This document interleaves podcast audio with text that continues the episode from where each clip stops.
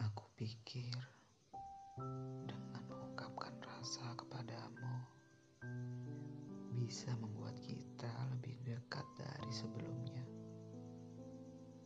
Namun ternyata aku salah. Kita malah sebaliknya. Semakin jauh. Sangat jauh.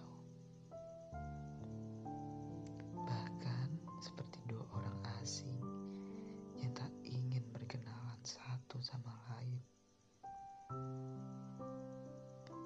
Aku yang takut mengganggumu dan membuatmu tidak nyaman akhirnya memilih diam seribu bahasa.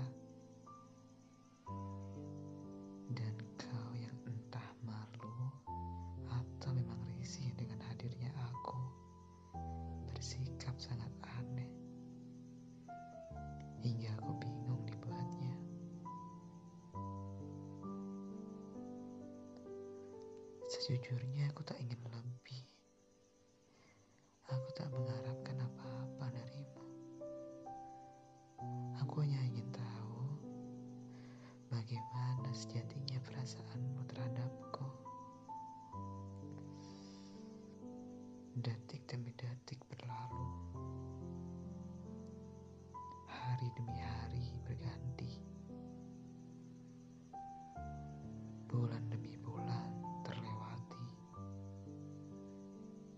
Dan aku masih di sini menunggu jawabmu. Entah sampai kapan aku akan menunggu.